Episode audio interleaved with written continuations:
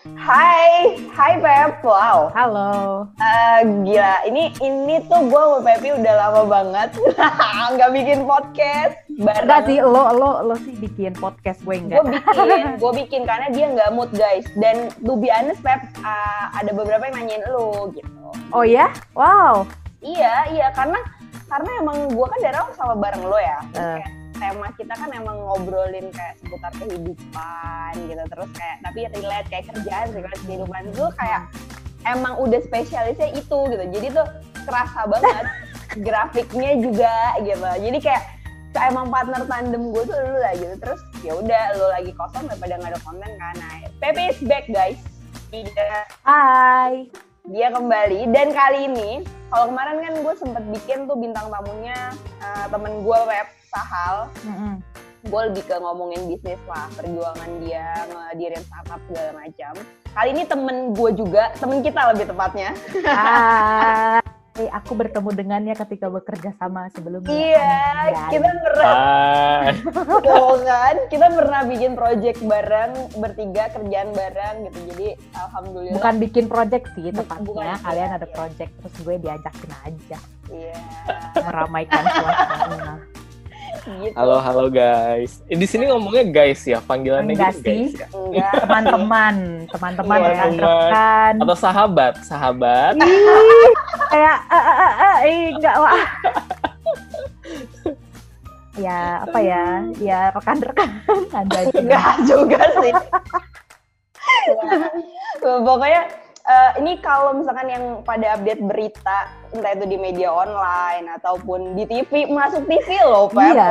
Gue sampai gue berapa kak gue berapa kali nontonin live dia dan oh iya makasih loh Mel. Iya lo betul live sama CNN kan yang gue sebel banget karena koneksinya tetet towe.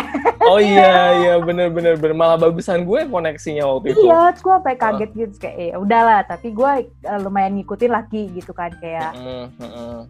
kayak ceritanya gitu. Nah mungkin Uci bisa kenalin kasih, kali ini siapa sih yang kita iya, iya, iya, iya, iya. Ini lebih hits daripada kelasnya artis loh sebenarnya teman kita ini. Iya hitsnya karena penyakit sih. Bukan karena prestasi. Tapi lo membuat prestasi karena lo iya, kirim surat terbuka itu. Menurut gue tuh Gue gak ada mimpi, sumpah. Gue gak ada mimpi seumur hidup gue bakal ngirim surat ke presiden kayak Asik. apa sih mimpi? Maksudnya lu gak ada kerjaan apa gitu? Lu gak kerja apa gimana gitu? Sampai ngirim surat ke presiden tuh gue gak ada mimpi gitu. Tapi karena terdesak jadi ya udah gue harus gitu. Udah kan hopeless ketika, banget ya. Ketika lo sakit emang lo gak kerja, Ki. Iya gue emang lagi gak kerja sih. Cuma maksudnya emang ada impian gue pribadi nggak punya mimpi yeah, yeah. buat ngirim surat kayak eh ngapain Bener. banget sih lo? Gitu ngirim surat ke presiden dibaca juga enggak kan gitu. Ingin tapi alhamdulillah disautin kan? Adalah yang ada nyaut nyautin mah. kan?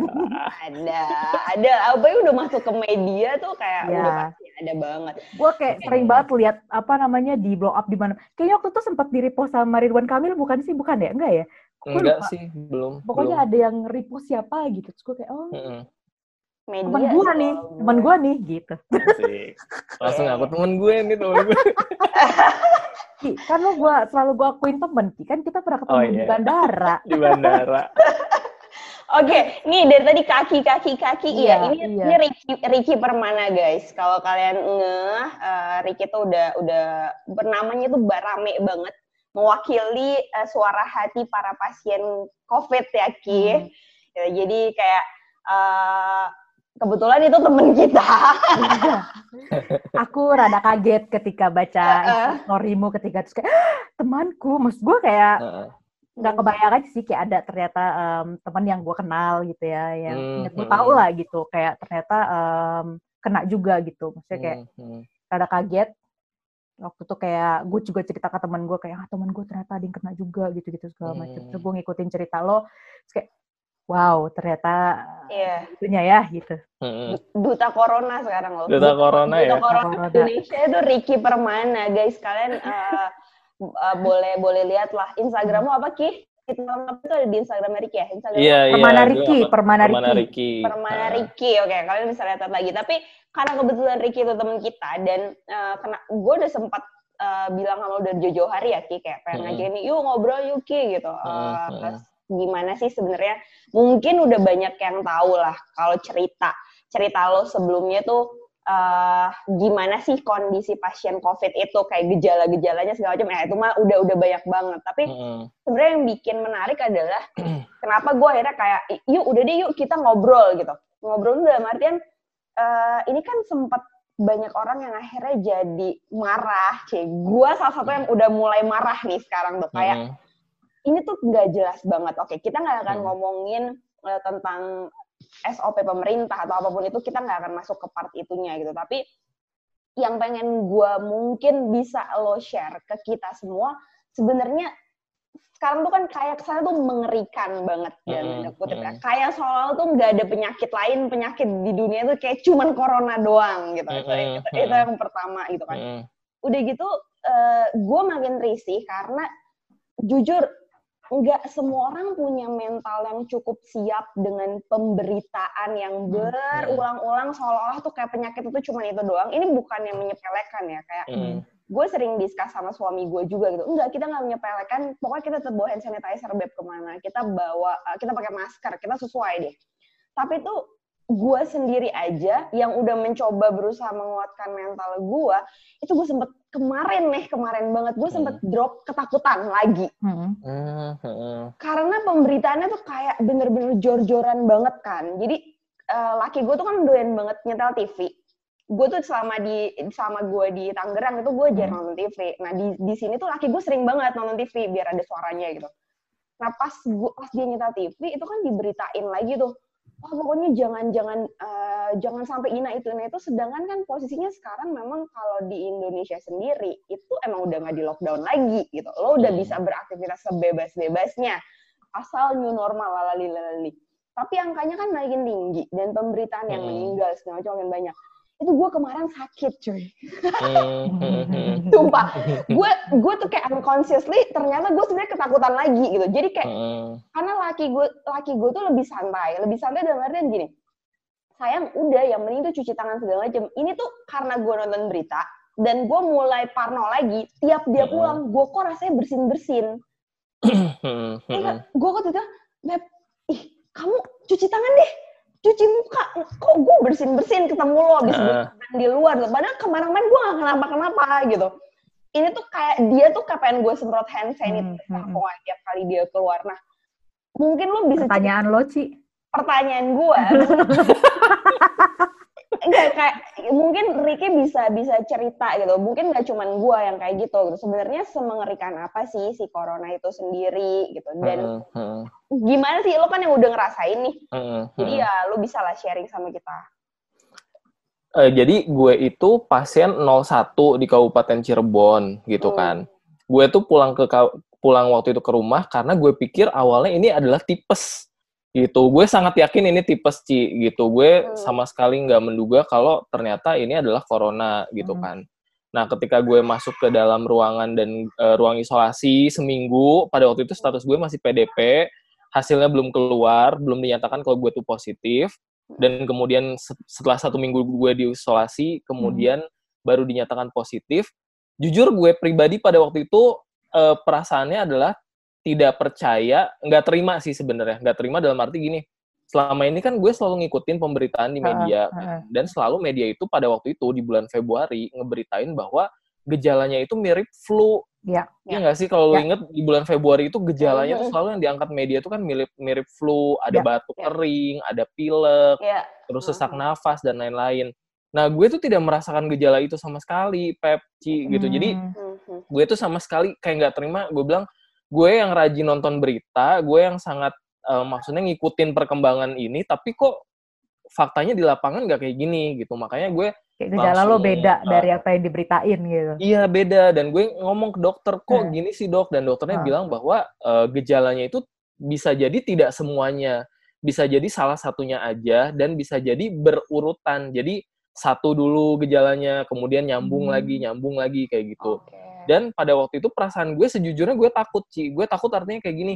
Apakah gue bisa sembuh atau gue bakal meninggal di rumah sakit? Iya, iya, iya, gue takut iya, sih. Karena pertama, iya, iya. gue juga sama ngelihat pemberitaan pada waktu itu kan Itali lagi kenceng-kencengnya yeah. banget ya korban yeah. ya kan. Banget, parah. Terus juga Cina juga waktu itu belum selesai tuh Wuhan di lockdownnya segala hmm. macam. Hmm. Jadi hmm. ngelihat tiap hari tuh korban berjatuhan di luar negeri kayak gitu kan. Di Indonesia waktu itu case-nya belum nyampe 80 Ci waktu gue masuk. Jadi hmm. Gue tuh istilahnya kloter-kloter awal Terus, yang kena. Uh, pas waktu masuknya itu bulan Maret bukan sih Ki? Iya benar bulan yeah. Maret gue masuk itu sekitar tanggal 8 8 Maret gue mulai mm-hmm. diisolasi.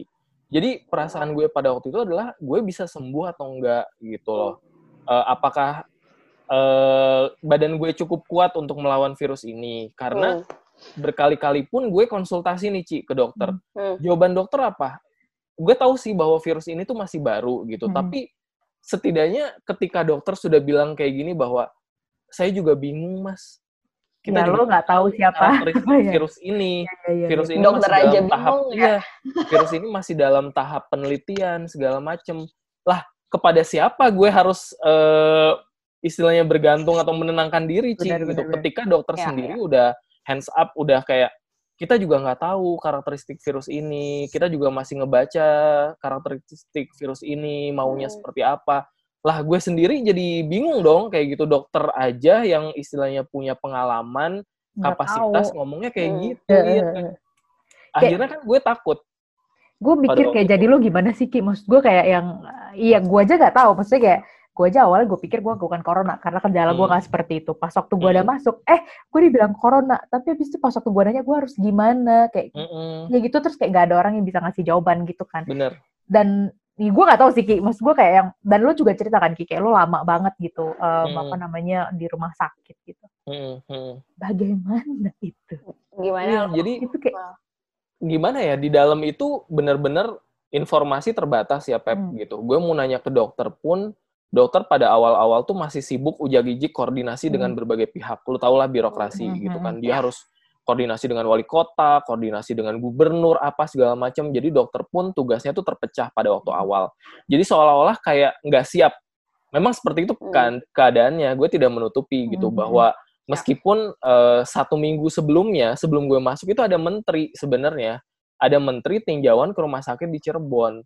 Hmm. untuk melihat sebenarnya kesiapan fasilitasnya, tetapi yang tidak ditinjau itu adalah kesiapan mental dari para tenaga medis, tenaga gitu. ketika beneran ada pasien yang positif hmm. itu tuh semua tuh kayak ngeblank gitu loh mereka hmm. tuh nggak tahu harus apa tek tek teknya tuh nggak tahu gitu loh nah itu yang gue rasakan di dalam gitu jadi gue mau minta penjelasan ke dokter pun dokter masih terbatas informasinya hmm. gue mau minta penjelasan ke dinas kesehatan pun mereka juga masih terbatas koordinasinya sama pusat Benar, jadi kayak gue juga bingung bingung dan lebih ke kesel sih Pep maksudnya hmm. di dalam itu kayak lebih ke kesel jujur gue kesel banget di dalam karena gue pikir gak ada kepastian oh, kan iya ternyata kayak gini ya di dalam tuh nggak enaknya tuh kayak gini hmm. gitu kan gue aja istilahnya gue uh, eh, kita kita lah ya kita kita hmm. yang masih muda kita yang pegang gadget kita yang hmm. uh, ada akses internet gitu kan kita ngerasa kayak gitu lo kebayang nggak kalau misalkan yang masuk itu mungkin tidak seberuntung kita yang pernah sekolah kuliah segala hmm. macam kan itu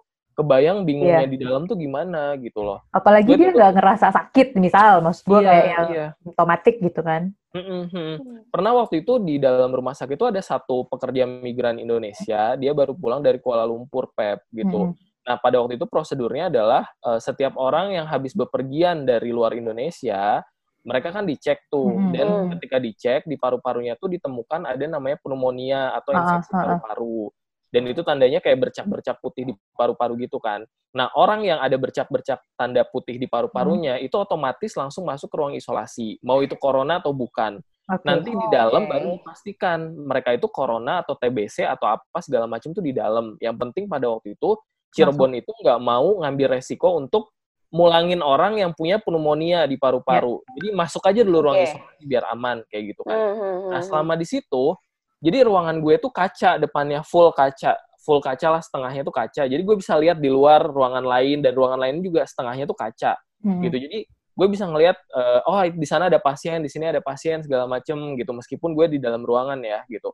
Nah, uh, gue sama sekali nggak ngobrol sama dia karena memang kita sesama pasien tuh dilarang ngobrol kalaupun gue ketemu dia itu kita papasan kalau kita mau ke toilet Pep. Hmm. karena hmm, toiletnya hmm. tuh posisinya ada di luar kamar gue jadi okay. tidak ada toilet di dalam kamar kita Ci gitu oh, oke okay. satu waktu kita papasan dan ketika papasan kan sebenarnya kita udah diwanti-wanti gue pribadi udah diwanti-wanti hmm. untuk mas jangan ngobrol dengan pasien lain ya kayak gitu pakai masker oke gue pakai masker hmm. tapi dia nyapa gue duluan ya masa gue gue tidak tidak tidak.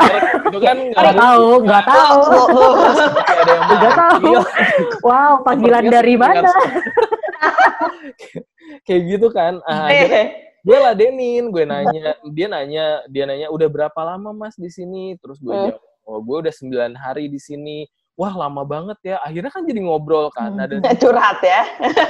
Dia bilang bahwa sebetulnya dia itu memang sudah batuk-batuk dari ketika dia kerja di Malaysia. Dia bilang, oh. jadi memang dia tuh oh. paru-parunya sudah bermasalah. Tapi membuat badannya itu kurus kata dia. Jadi emang udah dikasih obat segala macam ketika jadi kerja di Malaysia hmm, itu, tetapi karena gejalanya mirip sampai di Indonesia dianggap bahwa oh ini batuk-batuk nih, batuk-batuk nggak sembuh kayak gitu. Oh. Orang menganggap wah ini corona nih, corona nih, apalagi habis dari luar negeri kan. Nah, nah dia istilahnya dimasukin ke ruang isolasi. Nah, hmm. di ruang hmm. isolasi ya mohon maaf nih, dia juga eh, apa namanya akses internet terbatas, handphonenya segala macem. Jadi dia itu yeah. cuma nunggu posisinya itu cuma nunggu pep, nunggu ada dokter datang, baru dia nanya.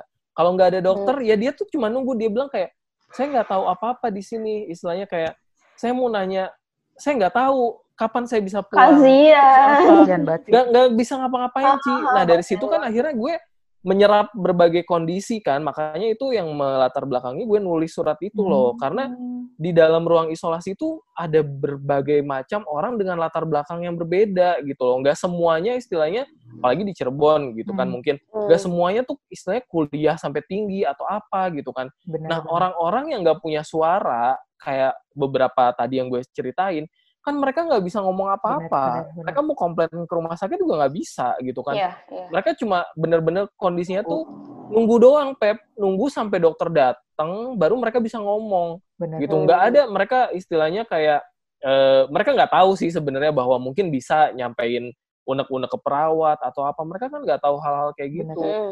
jadi Apalagi itu yang gue lihat nggak ada yang dampingin juga kan maksudnya gak ada. oh kayak bener-bener sendiri di situ gitu kan sendiri kayak, sendiri kayak terima nah yang sedih itu adalah ketika orang tua pep yang hmm. masuk ke dalam ruang isolasi Aduh. gitu Ci jadi misalkan hmm. gini kalau kita dirawat nih di rumah sakit kan hmm. kan kita boleh nemenin kan apalagi kalau misalkan orang tua kita dirawat di hmm. rumah sakit kan kita bisa nemenin tuh bisa kita elapin mandiin misalkan yeah. kayak gitu bisa kita suapin makan ini lu semua sendiri, sendiri. lu berjuang sendiri.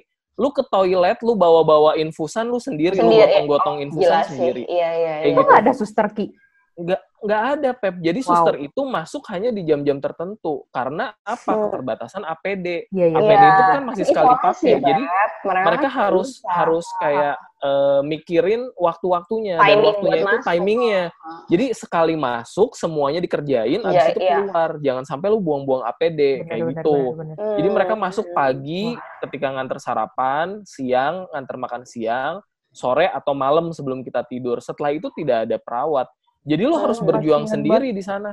Lu harus mandi okay. segala macam sendiri, segala macam kayak gitu.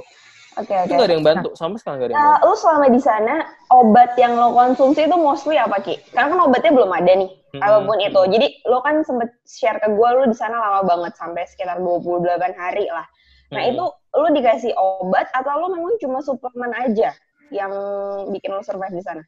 Oke, nah gejala gue itu kan yang paling dominan itu adalah demam. Demam hmm. gue itu kisaran 38,3 okay. gitu. Nah, gue itu cuma dikasih obat paracetamol aja.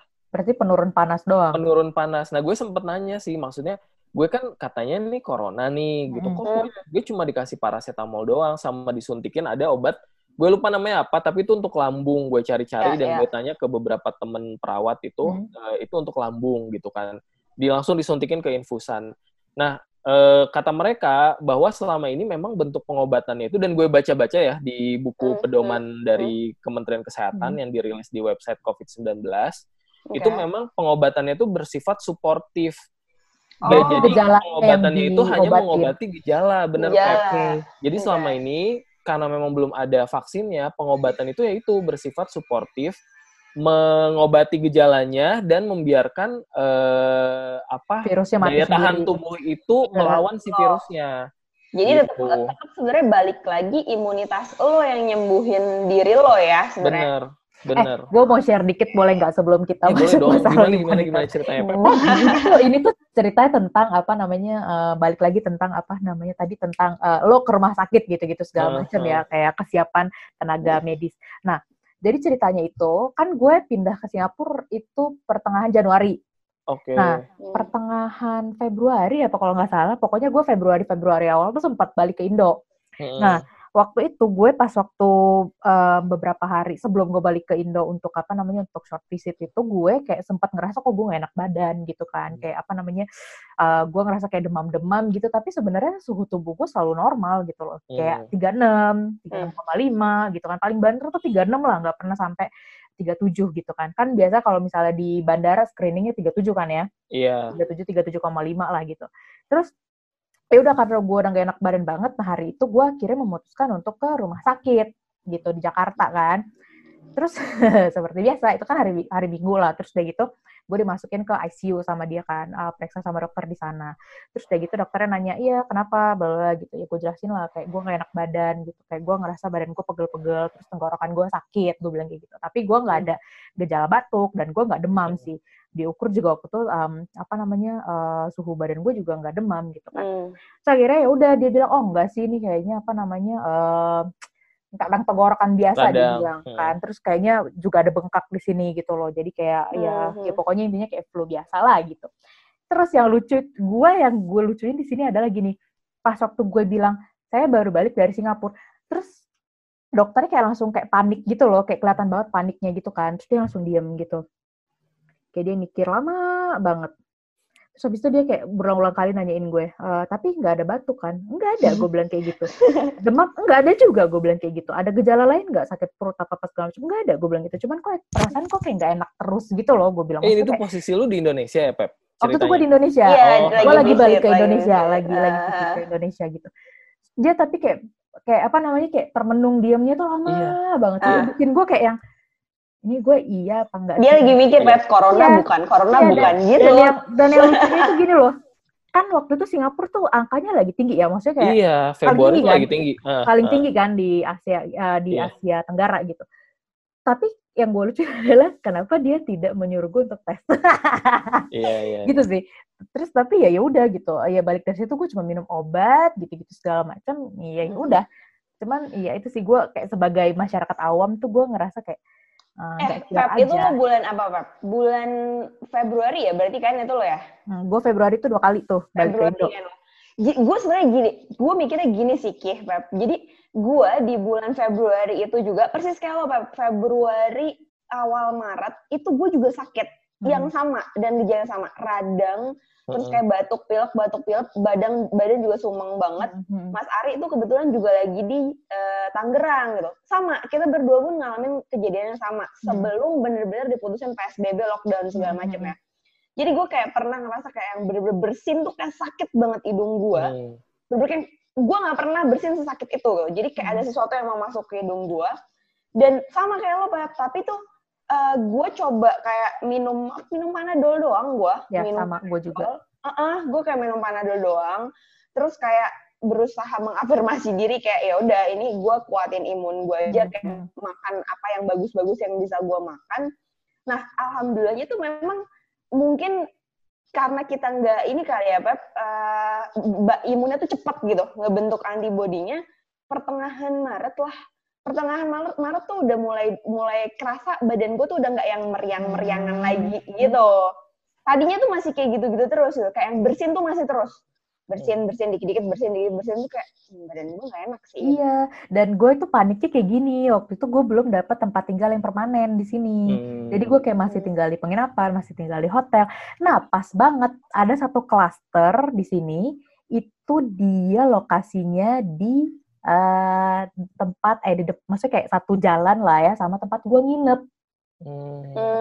Gue rada-rada kayak nggak enak gimana gimana gitu. Cuman maksudnya kayak kalau dibilang suhu tubuh normal ya normal gitu. Normal. iya, tetap iya. kayak ada ketakutan lah gitu. Cuman waktu itu gue mikir, eh, ya udahlah positive thinking dokternya bilangnya mm. ya udah gitu. Hmm, iya, sama. Iya. Kih, nih gue balik nanya lagi ke lo ya, Lanjut. Uh, tapi menurut lo ya Gih, dengan kondisi kayak gini ya, maksudnya kayak tadi kan gue sama Febri pun sempat cerita kita mengalami bisa jadi gejala yang sama kayak lo waktu ya radang lah, batuk, pilek segala macam gitu ya. Menurut lo nih ya, kalau menurut lo sebenarnya tuh uh, bisa dibilang tuh hampir kita semua tuh ngerasain gak sih? Hmm, Tapi hmm. emang ada yang imunnya mungkin ya, alhamdulillah gitu ya, terselamatkan lah ya. Gue sama Febri mungkin bisa jadi kemarin itu kena, tapi karena imun kita kuat, jadi kita nggak sampai yang drop banget gitu. Hmm. Menurut lo tuh ada possibility bahwa sebenarnya tuh sebenarnya banyak orang yang kena, bahkan angkanya lebih banget, banyak. Banget, Gimana? Kalau menurut lo gimana? Iya, gue setuju bahwa sebenarnya hmm. kalau dilakukan tes kan kendala kita itu adalah karena uh, swab tesnya itu kan sangat terbatas kan hmm. ketika awal-awal. Hmm. Jadi bisa jadi kalau sekarang kan angkanya udah berapa sih Ci? Udah 80 ribuan bukan 80 ribuan kan? Ribu gitu. Bisa jadi tuh sebenarnya di luar sana tuh lebih dari 80 ribu. Gue yeah. sangat yakin lebih dari 80 ribu karena pada waktu awal susah banget kita mendapatkan alat swab itu. Malah pemerintah pada waktu itu kan uh, mengimpor alat rapid kan hmm. sebenarnya yang ya, tingkat ya, ya. akurasi uh, apa akurasinya tuh rendah banget 50% gitu. 50% doang bukan sih? Iya. Hmm. Nah, gue juga awalnya sama Pep. Jadi hmm. ketika tanggal 2 Maret itu gue ngerasa radang tenggorokan, gue hmm. langsung ke dokter dan dokter pun jawabannya sama Pep. Dia bahkan bilang, "Oh, enggak cuma radang tenggorokan aja kok, Mas. Ini hmm. tenggorokannya merah segala macem kayak gitu." Oh, ya udah, gue ikutin. Cuma memang pada waktu itu gue ada gejala demam dan hmm. demamnya itu bandel banget. Jadi kayak orang mau tipes gitu kadang-kadang kalau malam demam kalau siang ngerasa sehat kayak gitu. Uh. makanya gue sangat yakin bahwa oh ini gue tipes nih gue tipes nih kayak gitu kan. Nah di rumah sakit dokter pun sama pep. Dokter hmm. tuh lama banget mutusin kayak gue boleh pulang dari uh, eh, IGD atau enggak? Kayak gitu. Karena Kenapa? Awalnya gue udah boleh pulang nih Pep. Gue uh, diambil darah, darah hmm. gue tidak ada penurunan trombosit, artinya gue tidak tipes, Bukan tidak demam berdarah, kayak gitu kan. Terus uh, nyokap gue kan yang ngurus surat nih, kan surat hmm. uh, minta surat supaya gue bisa Pulang. izin dari kantor, oh, kayak gitu kan. bisa libur dulu dua hari pada waktu hmm. itu. Jadi awalnya kejadian itu adalah dokter tuh ngasih surat, ngasih surat buat istirahat selama satu hari. Okay. Cuma nyokap okay. gue tuh ngerasa bahwa satu Gak hari cukup. lu cukup buat yeah, istirahat yeah, yeah. kayak gitu kan terus akhirnya nyokap gue tuh nego ke dokter hmm. bilang bahwa dok boleh nggak dua hari istirahatnya kayak gitu oh iya hmm. boleh bu hmm. terus diisi dong formulir si suratnya kan kayak misalkan nama lengkap umur hmm. pekerjaan hmm. nah ketika diisi pekerjaan Kalo, itu hmm ketahuan lah kalau gue imigrasi. iya di bandara Soekarno Hatta gitu. Dan hasilnya ada di Jakarta. Hmm. pada waktu itu dokter berpikiran bahwa Jakarta itu kan epicentrum yeah. ya kan? Hmm. penyebaran virus yang di Indonesia paling besar pada waktu yeah. itu. Akhirnya dokter tuh oh dari Jakarta ya bu? Oh, sama yaudah, reaksinya ya? Sama iya, reaksinya? sama. Oke gue kayak dengerin cerita lo tuh kayak ah gue juga sama. Terus nyokap gue tuh disuruh kayak oh dari Jakarta Oh. Bentar ya bu. Udah bu, tunggu dulu ya, ibu tunggu dulu. Jadi tuh disuruh nunggu dulu. Nah di situ tuh gue sama nyokap tuh masih ngobrol segala macem gitu kan. Terus tiba-tiba perawat datang mm-hmm. ngasih gue masker, masker N95. Oke. Okay. Terus kata perawat, Mas dipakai ya sama ibunya dipakai. Langsung suspek. Terus pas gue pakai, gue ngelihat kanan kiri gue kan di ruang IGD, kok nggak ada orang yang dikasih masker? Kenapa cuma gue doang yang dikasih ah. masker kayak gitu? Karena kan. lo dari Jakarta gitu. Iya, terus gue masih kayak bercanda-bercanda sama nyokap gue kan, kayak gitu. Gue bilang, wah kita suspek nih, gue bilang kayak gitu kan. Ya udah kita pakai maskernya. Udah pakai masker, hmm. kan di ruang IGD tuh ada apa tuh namanya? Kayak hordeng gitu kan. Iya, iya, iya. Kasur gitu kan hordengnya tutup ser tutup. Habis itu dokternya masuk, dokternya masuk, udah dokternya masuk bilang kayak gini, e, Mas dari Jakarta ya? Iya, saya domisili di Jakarta kayak gitu. Oh kerjanya di beneran Mas di bandara gitu kan di bagian imigrasi. Hmm. Iya betul saya kerja di sana. Oh itu red zone sih ya Mas ya kayak gitu. Uh, jadi gini Mas, uh, untuk memastikan aja sih ini nggak apa-apa ya kalau misalkan kita ronsen sama kita hmm. scan kayak gitu. Ini sih untuk pengecekan aja kayak gitu kata dia. Hmm. Oh ya udahlah gitu kan kata nyokap. Oh ya udah nggak apa-apa kalau emang mau dicek lebih bagus kan untuk memastikan yeah. dong yeah. kayak gitu. Ya udah dari situlah bahwa ketahuan akhirnya ada pneumonia di paru-paru gue hmm. dan meskipun penyebab pneumonia itu banyak ya bisa yeah. jadi bakteri, bakteri bisa jadi kuman, kuman yeah. yang disebabkan asap rokok dan lain-lain kayak gitu hmm. kan. Pada waktu itu rumah sakit nggak mau ngambil resiko, gue dimasukin lah ke ruang isolasi gitu itu tanggal 2 Maret itulah. Terjadinya? Tanggal 8. Itu terjadi oh, satu itu, hari di tanggal 8. Itu kayaknya karena udah ada uh, apa namanya pasien yang positif bukan bener. sih? Bener. Nah, pasien positif hmm. itu pertama kali diumumin tanggal 2. Tanggal 2 kan. Gue yeah, inget bener, banget tuh. Bener. Yeah, gue yeah. mikir kayak kayaknya ya kalau misalnya waktu gue pulang ke Indonesia dalam rangka udah ada kasus yang positif, bisa oh, jadi gue kan di karantina gitu. Lo karantina juga. Kan itu kan Indonesia masih nol kan. Nol. Iya. Yeah. Februari yeah, Februari awal tuh. Jadi kayak gue yeah. Ya udah gitu. Cuman emang gue tuh kayak langsung pakai masker lah apa segala macam. Iya. Dan gue juga dapat cerita menarik dari dokter yang pertama kali hmm. uh, menyuruh gue isolasi, dokter di rumah sakit hmm. itu, namanya dokter Diki gitu kan.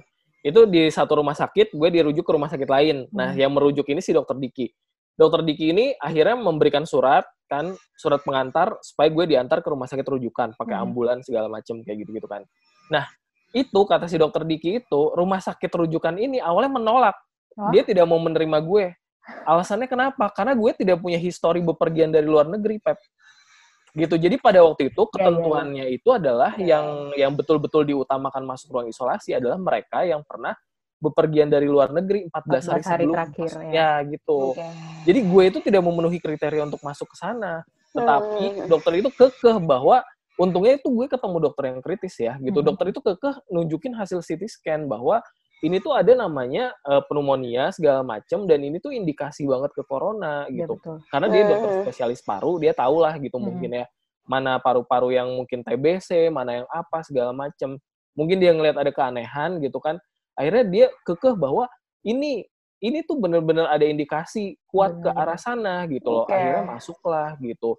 Gue malam sekitar jam berapa ya? Jam 9 malam lah gue masuk ke rumah sakit rujukan itu. Tapi sampai akhirnya lo uh, bisa tes ki, tes si coronanya itu sendiri tanggal berapa? Itu kan tanggal 8 ya. Lo hmm. udah mulai kayak oh, oh kelihatan nih ada ada fenomena tuh di dirujuk.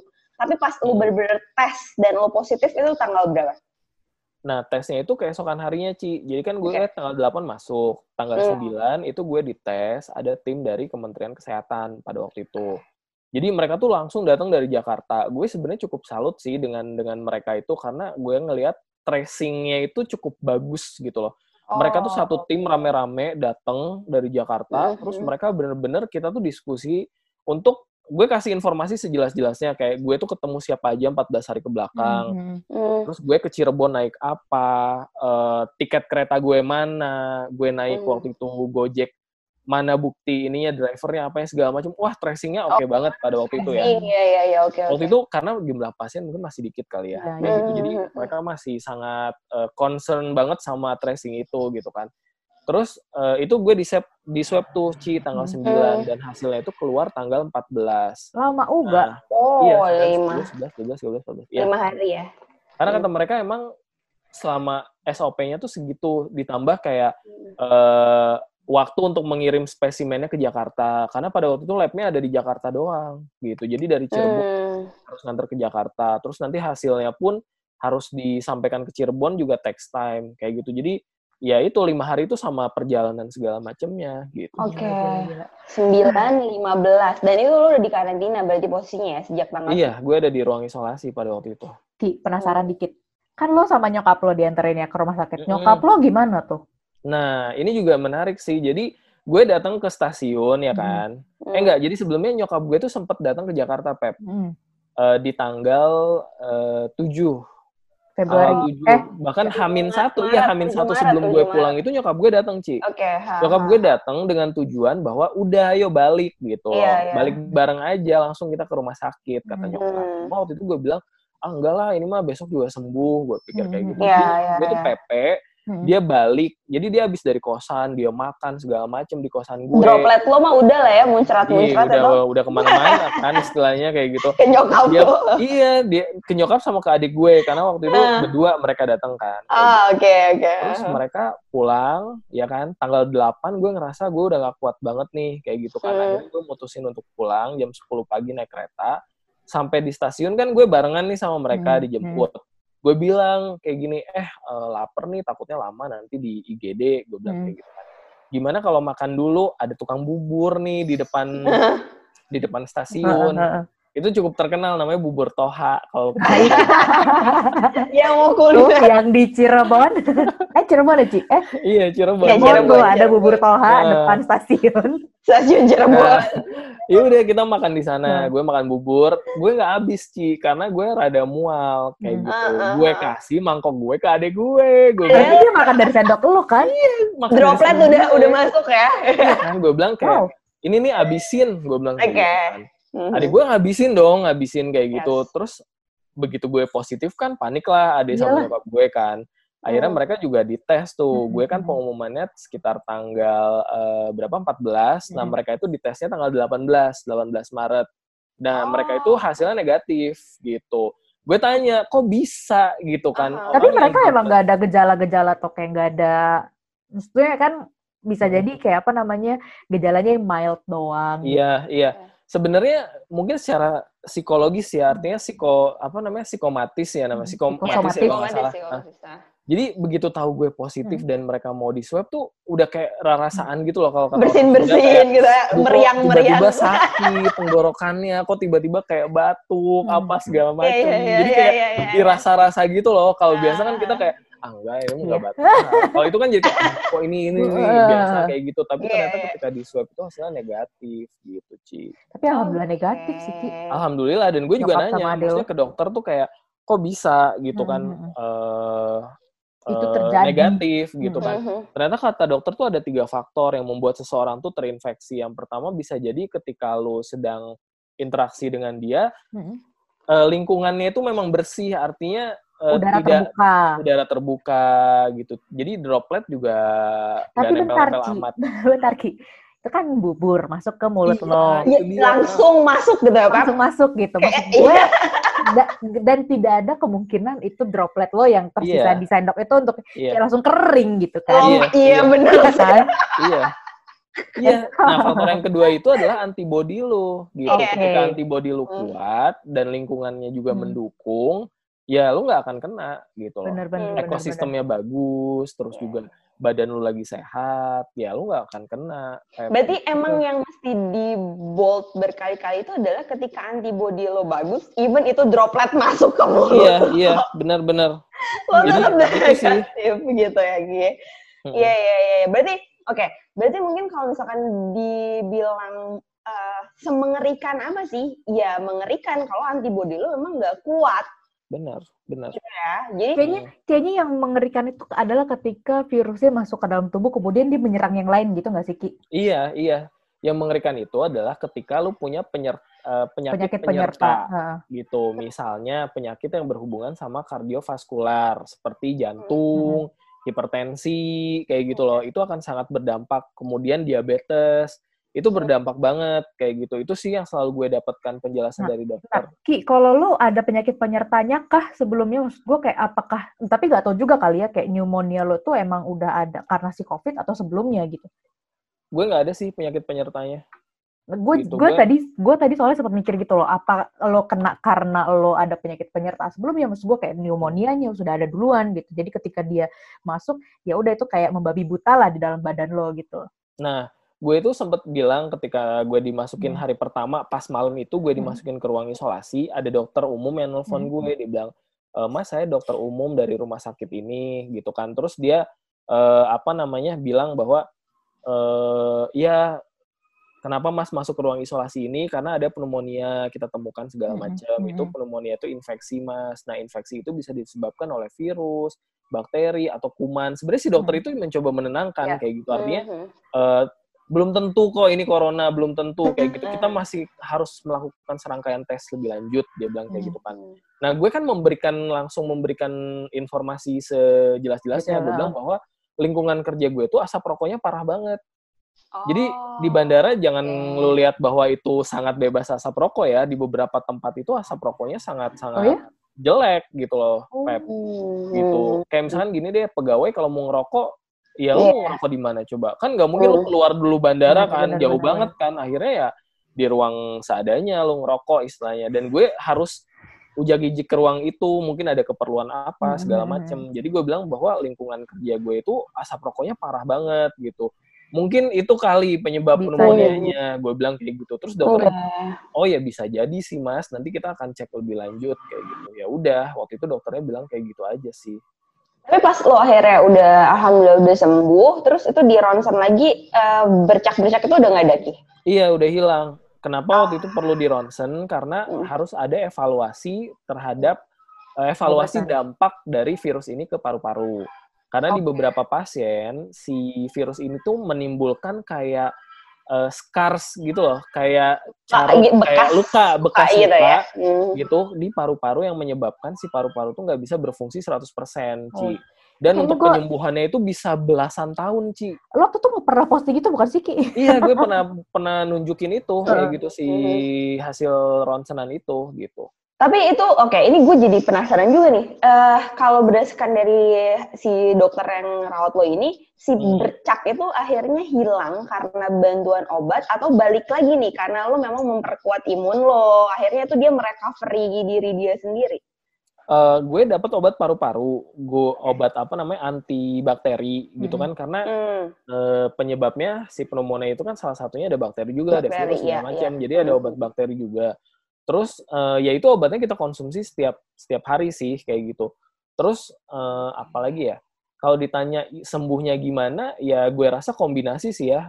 Pastinya dari obat hmm. juga, terus hmm. kedua yang memang mungkin dari dari anti dari kekebalan tubuh kita iya, juga. Iya, gitu. iya, iya, Karena kan memang maksud gue ya di luar uh, si bercak lo itu karena entah itu karena si COVID-nya atau tadi yang lo sempat bilang karena hmm. seprokonya itu kan nggak hmm. bisa dipungkiri nih memang uh, kayak apalagi kita lah yang tinggal di Jakarta terus lingkungan kita yang memang banyak asap rokok kan ya memang itu loh bisa jadi memang paru-paru kita tuh berbercak seperti itu. Iya, kayak. iya.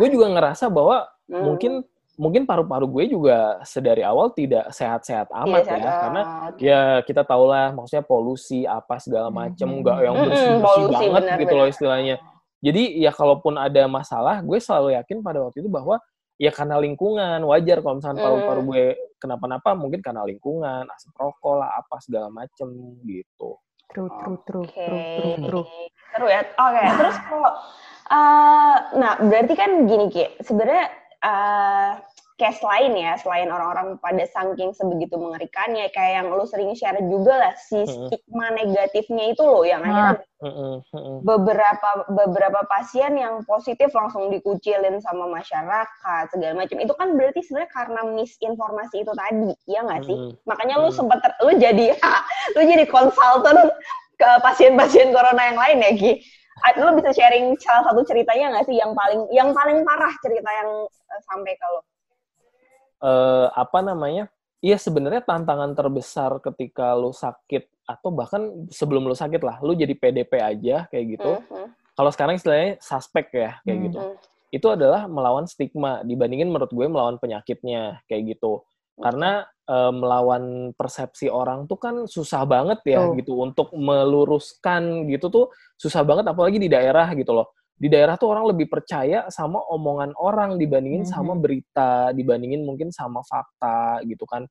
Jadi itu tantangan terbesar sih Ci gitu. Kalau di daerah dan gue rasa mungkin di Jakarta juga kayak gitu. Tapi di daerah tuh lebih kenceng banget lah stigma itu lebih berasa banget gitu kan yang gue pribadi alami adalah yaitu karena memang data gue kan bocor nih mm-hmm. gitu kan. Mm. sampai nomor rumah alamat gitu kan segala macem.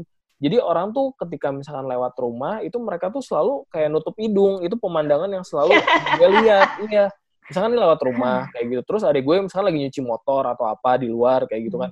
Itu tuh langsung kayak tutup hidung kayak gitu. Itu tuh kadang-kadang adik gue suka curhat sih kayak kenapa ya orang-orang masih kayak gini ke kita? Kayak gitu jadi uh, itulah salah satu stigma kecil yang keluarga gue dapatkan ya kayak gitu. Hmm. Tapi kalau dari beberapa teman-teman pasien lain sebenarnya ini juga nggak sengaja sih artinya nggak sengaja uh, pada ngontak gue karena mungkin ya mereka ngelihat gue di berita juga gitu kan dan memang beberapa berita menyebutkan nama akun sosial media gue juga hmm, jadi ya. ada yang mengontak lewat Twitter ada yang mengontak lewat Instagram kayak gitu nah beberapa sih mungkin ada yang cerita bahwa uh, salah satu pasien di kota Subang, Jawa Barat. Mm -hmm. Jadi dia itu sebenarnya uh, sudah mengajukan isolasi mandiri dan memang sangat dimungkinkan sebenarnya prosedur isolasi mandiri itu syaratnya adalah uh, ketika memang punya fasilitas yang memadai untuk isolasi mandiri gitu kan dan lingkungan sekitar menerima gitu. Okay. Cuma menurut gue kesalahannya adalah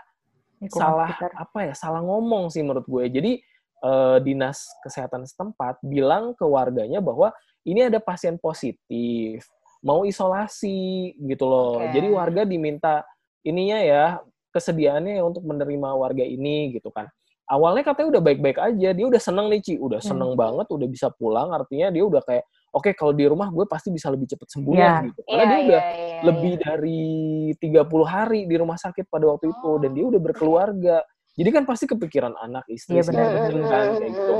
Rumahnya udah disiapin rencananya dia mau keluar itu habis sholat maghrib gitu kan. Hmm. dia udah packing packing segala macem. Hmm. jam 4 sore dapat kabar bahwa warga itu melakukan unjuk rasa. Sampai oh, demo. sampai demo bener-bener nolak kedatangan orang orang itu pasien itu gitu kan. Wow, takut gitu loh.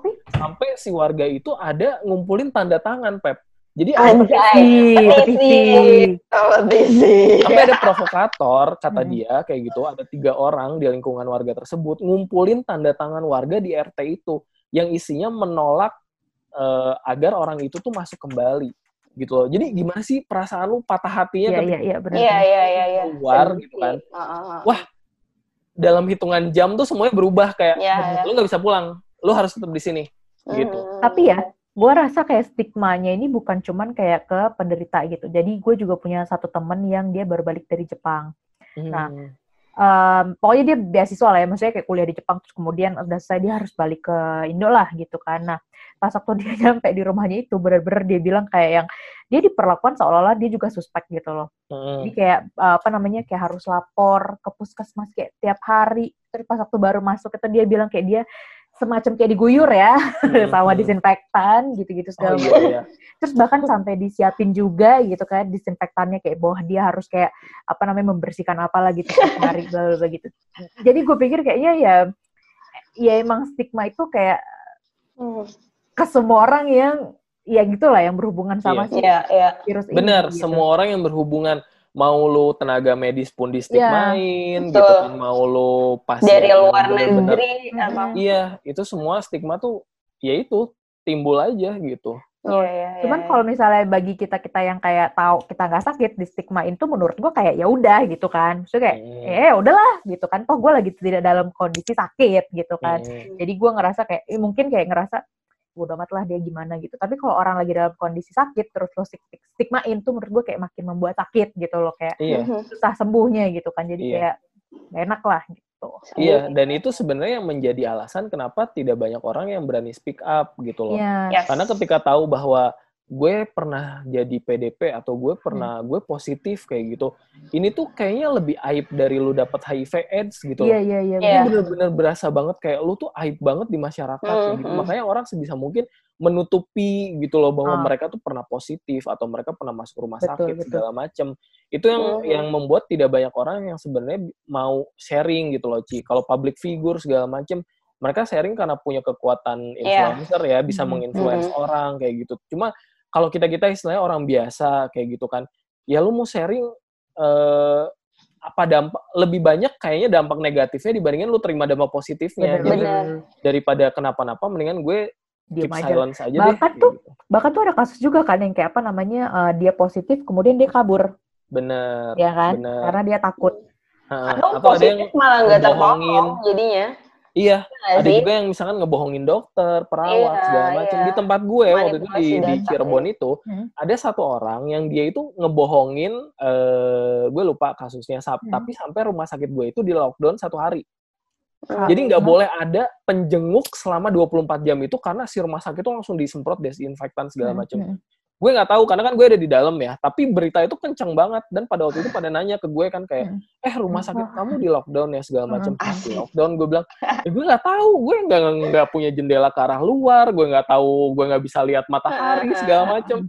Gue nggak tahu keadaan di luar kamar gue gitu kan. Ternyata gue baca baca berita ada satu orang yang dia itu memasukkan keterangan, hmm. akhirnya semua sekitar 60 perawat itu jadi PDP di sana, wow. harus di swab massal 60 hmm. orang itu dan itu benar-benar pakai polis lain gitu loh.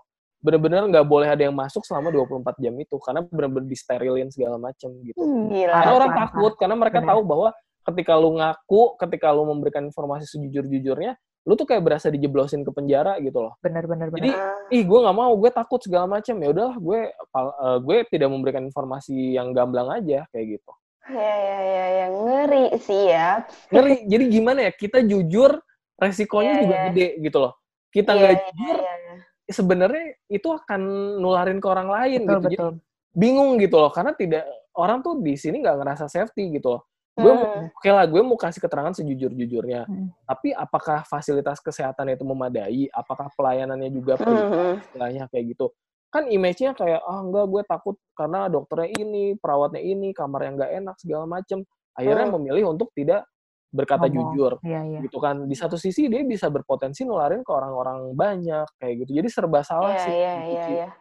Padahal sebenarnya mungkin kalau lebih wise-nya ya, kalau tadi dari cerita lo juga, since obatnya memang belum ditemukan, yang diobati hanya gejalanya, kayak paru-parunya misalnya rusak, kayak paru-parunya yang disembuhin gitu. Lebih ke, bukan si virus coronanya gitu yang dihilangin, tapi belum.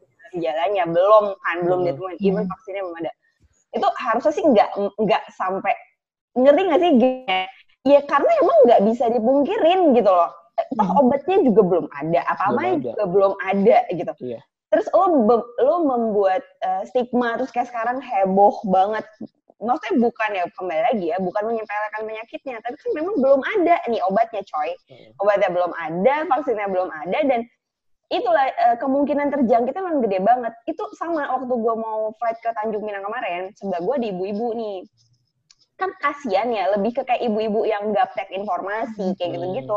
Dia tuh batuk cuy, dia tuh batuk, dia cerita, hmm. saya tuh batuk, tapi ini ngeri banget ya mbak sekarang gitu. Saya udah diwanti-wanti sama saudara saya. Pokoknya hmm. nanti kalau ditanya sakit atau enggak, bilang aja enggak, bilang aja enggak. Gitu. Hmm. Jadi, hmm. ya kayak yang lo bilang tadi, Ki, masukin data. Kan takut nanti kalau kamu ngaku lagi yeah. batuk, nanti pasti langsung nggak boleh terbang. Gitu loh. Iya, iya, iya. Iya, iya benar, benar. Kalau dia ternyata emang beneran batuk karena COVID gimana? Iya, iya. Nge-tracingnya jadi susah juga nggak iya, sih lo? Iya, iya itu loh jadi emang oke okay, last but not least kali ya Pep lo masih hmm. ada lagi mau tanyain nggak kagak Oke, okay, mungkin Niki uh, buat penutup closing kita hmm. hari ini ya, pesan lo apa nih buat yang lagi pada dengerin podcast ini? Hmm, pesan gue apa ya? Uh, gue sih ngelihat sekarang tuh orang kan ter dari dulu sih ya sebenarnya terpecah menjadi dua ya. Ada yang percaya, ada yang enggak, ada yang hmm. menganggap konspirasi elit global, yeah, yeah, ya. ada ya kan ada yang percaya juga gitu.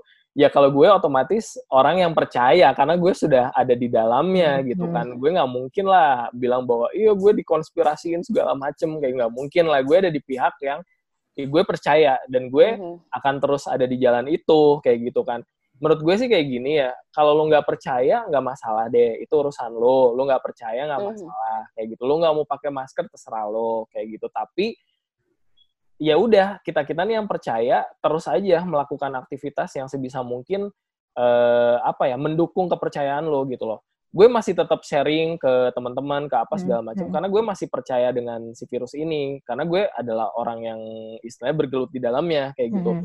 Jadi gue nggak mau nggak mau pusing-pusing mikirin mereka yang nggak percaya. Gue hanya fokus ke pengen uh, kita yang ngedengerin orang-orang yang percaya di luar sana untuk hmm. ngelakuin apa pun yang bisa kita lakuin kayak gitu sesuai dengan kemampuan kita masing-masing untuk ngelawan si virus ini gitu. Hmm. Karena hmm, hmm. dampak dari si virus ini tuh menurut gue cukup parah ya gitu. Kalau ditanya sebenarnya uh, mengerikan nggak sih virus ini kayak gitu? Ini jawaban dari perawat ya, bukan jawaban dari gue ya. Gue pernah hmm. menanyakan hal itu ke perawat kayak gitu. Terus perawat bilang kayak gini, kalau kita bandingin sama penyakit lain, hmm. ada banyak sekali penyakit yang lebih parah dari corona, dia bilang. Hmm. Banyak banget gitu yang benar-benar bikin lo mati seketika, serangan jantung, apa segala hmm. macam. Itu kan sebenarnya lebih mengerikan dari corona. Lo mati langsung gitu, hmm. serangan jantung lo nggak ketolong kayak gitu istilahnya. Hmm. Atau misalkan penyakit apalah kayak gitu. Tetapi yang membuat masyarakat takut, yang membuat dunia ini gempar terhadap corona ini adalah karena penyebarannya sangat cepat dia sudah lintas benua hanya dalam hitungan hari gitu loh. Hmm. Itu yang bikin orang-orang tuh akhirnya ketakutan, ekonomi jadi jatuh di sana sini ya. segala macam. itu sebenarnya membuat orang tuh ketakutan, yang membuat kita menganggap si penyakit ini ini tuh kayak wah ini penyakitnya bahaya banget ya segala macam kayak gitu. Tapi sebenarnya banyak di luar sana penyakit yang tingkat tingkat kematiannya tuh lebih tinggi daripada corona. Gitu. Iya, karena kita belum menemukan obatnya aja kan, kita belum tahu karakteristik penyakitnya, masih berubah-ubah segala macam. Jadi kayak kita tuh masih ngeblank aja. Dokter pun bener-bener kayak istilahnya gue buta banget sama penyakit ini gitu loh. Bener-bener gue nggak tahu masih kayak trial error pakai obat ini efektif nggak ya, pakai obat itu efektif nggak ya. Mm. Jadi menurut gue karena obatnya belum ada, ya udah sekarang tinggal perkuat diri kita aja. Dan karena gue tipikal orang-orang yang percaya dengan virus ini, ya dengan berbagi informasi kayak gini harapannya semakin banyak orang yang bisa memperkuat dirinya mereka, meningkatin yes. imunitasnya, kayak gitu lebih berhati-hati. Itu aja sih hmm. paling Ci. Oke. Okay. Itu kayak nggak tahu ya, gue dulu pernah baca novel apalah gitu, kayak um, meninggal cuma gara-gara flu hmm. atau campak. Tapi itu kan karena belum ada vaksin ya, nggak tahu. Hmm. Maksudnya kayak um, apa namanya belum ada obatnya lah gitu. Mm. Tapi emang itu sangat mematikan. Kalau sekarang dipikir-pikir campak sama flu ya apa sih gitu kan? Maksudnya kayak iya, lu bisa obat, beli obat warung gitu kan. Iya. Mm. Eh, sorry, tapi tadi gue belum sempat tanya deh. Di Singapura sekarang masih lockdown atau lebih Iya, gimana Pep kondisinya Singapura? Lebih dari di Indonesia nggak sih Pep? Indonesia okay. kan hebring banget. Baik, kalau di sini tuh udah lewat kali ya masa-masa hebohnya. Hmm. Karena kita heboh itu pas waktu di akhir Januari sama Februari lah gitu kan angkanya naik banget gitu-gitu segala macam. Nah, terus di sini tuh enaknya adalah pemerintah cepat dan jelas kan sebenarnya kayak langkah-langkah diambil itu. Jadi pas waktu bulan um, Februari Februari loh kalau nggak salah itu kita udah mulai yang kayak social distancing terus udah kemudian yang apa namanya dijarak-jarakin kantor yang hmm. apa namanya udah mulai kayak yang sip-sipan lah ya 50% masuk 50% enggak gitu segala macam. Hmm. Nah, pas waktu yang bulan Maret itu itu mulai ke, makin ketat terus bulan Februari ya bulan Februari kita bukan lockdown sih di sini namanya circuit breaker gitu kan. Jadi uh, nggak totally lockdown tapi uh, kita sebisa mungkin harus kayak di rumah gitu. Banyak bisnis bisnis juga yang disuruh tutup gitu kan yang boleh buka tuh cuman yang kayak bisnis yang um, esensial jadi kayak makanan transportasi. Pokoknya yang hajat hidup orang banyak lah sisanya eh, nggak uh, boleh buka gitu. Uh, ya udah gitu. Jadi bener-bener kita sekarang di rumah aja. Jadi gue keluar cuman kayak ke supermarket atau kayak misalnya gue um, jalan sore tapi ya kayak gitu gitu masih dibolehin. Nah sekarang kalau di Singapura itu kita uh, kan circuit breaker. Terus dia ada kayak opening up phase gitu kan uh, fase satu itu adalah gue lupa ya foto fase satu itu apa gitu pokoknya sekarang kita udah masuk fase dua jadi bisnis bisnis yang kayak apa namanya toko baju gitu gitu segala macam udah pada boleh buka mall juga udah boleh buka tapi yang kayak beresiko hmm. tinggi kayak misalnya konser um, apa namanya bioskop gitu gitu segala macam masih belum boleh buka gitu nah okay. Kafe udah boleh, Beb? Kafe udah boleh buka, tapi um, apa namanya satu grup gitu, cuma boleh lima orang dan tempat duduknya ya diatur lah gitu kan supaya nggak ada kedekatan satu lima sama orang. lain. Cuma lima orang. Hmm, cuma boleh lima orang. Tapi Jadi apa pun tempatnya. Iya. Enggak, maksudnya gini, kayak hmm. kayak kita nih hangout bareng gitu. Satu grup kita hmm. ini cuma boleh berlima gitu loh maksimal. Oh. Gitu. Oke. Okay. Kalau di sini ya apa ya? nggak terlalu udah nggak terlalu heboh gitu kan karena kan sebenarnya hmm. kayak kasus di komunitas sudah turun ya. Jadi yang hmm. tinggi itu adalah kasus yang di um, dormitory itulah gitu kan. Jadi di antar di asrama ya asrama para pekerja uh, pekerja asing ini gitu loh. Karena emang tempatnya hmm, sangat padat lah gitu kan buat mereka. Tapi di sini udah kayak cenderung stabil lah. Maksud gue kayak nggak terlalu nggak terlalu seheboh di Indo sih. Udah under control. Gue sih ngerasa gitu ya sebagai orang yang tinggal di sini. Tapi dari awal tuh maksudnya gue kan ngamatin ya banyak hmm. para istilahnya Pep kalau di Indonesia tuh para pengamat yang melihat hmm. pola komunikasi pemerintah gitu hmm. kan. Kalau di Indonesia tuh katanya dinilai dari awal pemerintah kita itu memang pendekatannya itu adalah menenangkan. Artinya hmm. bukan bukan menge, menenangkan tapi akhirnya jadi kebablasan gitu loh. Jadi banyak yang menilai seperti itu gitu. Jadi menenangkan tuh bahwa ini tuh masih under control, kita masih bisa hmm. gitu, tenang hmm. aja masyarakat gitu. Yang penting pakai masker, ini masih terkendali, pemerintah bisa mengendalikan. Hmm. Selalu seperti itu narasi yang dibangun sama pemerintah dari awal gitu kan, sehingga ya kesannya nggak ada takutnya nih gitu hmm. loh, nggak dianggap bahwa ini tuh sesuatu yang urgent kayak gitu-gitu kan. Nah kalau di Singapura sendiri tuh gimana sih nah. komunikasi pemerintah hmm. tuh apakah memberikan uh, kayak ketakutan kah atau gimana ke masyarakat kok masyarakatnya bisa jadi sangat aware banget gitu ya. loh Pep. Oh ya terus masyarakatnya tuh disiplin nggak sih Pep? Saya gimana masyarakat di sana? Menurut gua sih uh, kayak di sini campuran ya. Ada yang kayak dia menenangkan, tapi dia juga kayak benar-benar semuanya diinfoin gitu loh. Jadi uh, kalau di kalau gue sih emang join gitu kan ada satu WhatsApp grupnya gitu yang dia benar-benar tiap hari tuh kayak lapor lah gitu kayak berapa apa namanya berapa kasus baru gitu kan kayak apa namanya um, kasusnya di mana dia yang ini profilnya siapa misalnya kayak yang kerja asing kah atau kayak itu imported cases atau kayak cases in uh, communities gitu-gitu segala macam kan. Jadi kayak kita tahu oh angkanya sekian gitu. Maksudnya kayak jelas lah di kita gitu kan kayak apa namanya hmm, keadaannya sekarang gimana gitu kan. Dan eh, yang gue suka adalah ketika kemarin mereka itu mengumumkan tentang apa namanya kayak circuit breaker atau segala macam dan itu tuh bener-bener kayak dijadiin satu kayak apa ya pengumuman nasional gitu loh. Jadi kayak PM-nya langsung ngomong gitu kan kayak yang apa namanya uh, kita sekarang kondisinya seperti ini apa namanya kasusnya bla bla bla bla gitu gitu sampai kayak yang awalnya kan di Singapura tuh kayak tidak direkomendasikan untuk pakai masker Oh. Karena dibilang kayak apa namanya ini droplet bukan apa namanya ya pokoknya uh, dibilang cuman ini droplet jadi kayak nggak perlu pakai masker. Pakailah yeah. masker kalau lo merasa tidak sakit gitu. Yeah, eh, kalau yeah. sakit. Nah akhirnya tuh direvisi gitu loh sama si pemerintah di sini dibilang kayak yang iya pakai masker sebisa mungkin ketika lo bisa gitu kan. Dan emang sekarang di sini semua jadi kayak kita kalau keluar harus pakai masker dan kita kalau ke mana-mana oh dan mereka juga kayak bikin aplikasi itu kan buat yang contact tracing. Benar Mm-mm. Jadi kayak apa namanya kalau misalnya lo positif ya udah tinggal di trace dari yang pernah berkontak sama lo. Dan setiap lo pergi ke mana-mana itu tuh benar-benar kayak kontak tracing gitulah. Jadi gue mikir di sini kayak apa ya cukup siap lah mereka gitu kan untuk menangani ini. Jadi kita juga kayak ngerasa oke okay, gitu kan, kayak ngerasa aman dan Oke lah pemerintahnya capable kayak pas gitu. Waktu, pas waktu awal-awal corona muncul itu ya, ke rumah sakit ataupun ke dokter tuh nggak semudah itu juga gitu loh. Jadi kan jadi sebelum kita mau ke rumah sakit hmm. kan kadang-kadang kita suka nelpon ya. Itu dia nanya gitu loh kayak lo ada um, apa namanya ada um, simptom atau gejala ini ini segala macam nggak? Kalau misalnya kita bilang oh nggak ada ya udah baru boleh ke dokter gitu. Tapi kalau hmm. misalnya kita bilang ada kita dijemput. Oh, oh, oke, okay. ya, ya, ya. Dan di sana tuh begitu, maksudnya uh, ketika dia ngasih suatu, oh uh, ini ada pengumuman, uh, semua warga harus begini atau begini, itu dia ada banyak revisian atau ya udah one shot clear, terus semuanya hmm. ngejalanin atau gimana kan? Gue sih ngeliatnya lebih one shot clear gitu ya, kayak nggak yang kayak hmm. nggak yang berubah-ubah gitu loh kebijakannya. Maksudnya kan kayak kayak jelas banget lah kalau A A gitu. Kalau di Indo kan ya gue denger tuh kayak yang Iya, iya, iya. Mudik dilarang tapi kemudian boleh beroperasi. Kayak gitu. Iya, itu itu sih.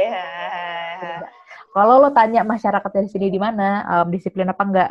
Iya dalam hal kayak pakai masker gitu gitu segala macam disiplin. Tapi kalau misalnya ngomongin masalah physical distancing gue sih bilang kayak enggak ya namanya manusiawi gitu loh. Kayak iya. enggak selalu kita yang bisa apa namanya aware untuk jaga satu meter iya iya iya iya iya iya ya. tapi kalau di sana stigma juga uh, tumbuh nggak beb? Alhamdulillah alhamdulillah di sini itu uh, apa namanya uh, kerahasiaan pasien sangat dijaga Bener. Jadi gue aja nggak tahu siapa yang kena. Um, gue cuma wow. tahu, gue cuma tahu satu apa namanya satu um, rekan kerja gue uh, ayahnya meninggal karena corona dan itu pun gue baru tahu pas waktu udah di akhir-akhir aja gitu loh karena kayak ya biasa lah kayak kita ngomongin duka cita di dalam di kantor gitu kan tapi itu pun gak disebutin kayak meninggalnya karena apa gitu, gitu.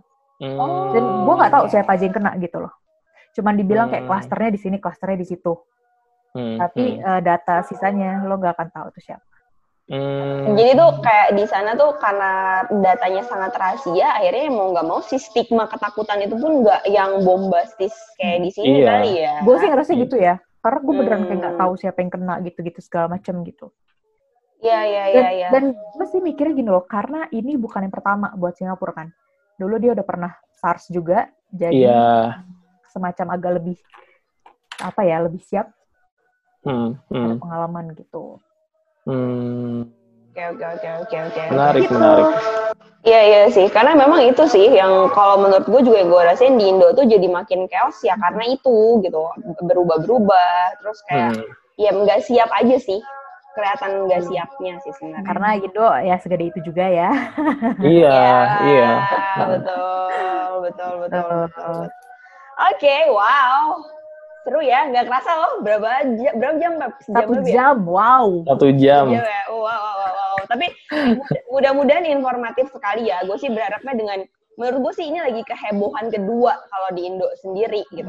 Kayak gue merhatiin temen-temen gue pun ada yang dari tadinya slow, terus tapi ada beberapa yang masih kayak takut dan parno banget informasinya juga makin lebih parno dengan pemerintah yang kayak yang ya hmm. gitulah nggak siap mm -hmm. ini semoga ini cukup membantu teman-teman. Intinya uh, kita di sini sama-sama jaga kesehatan, Betul. jaga imunitas ya. Betul.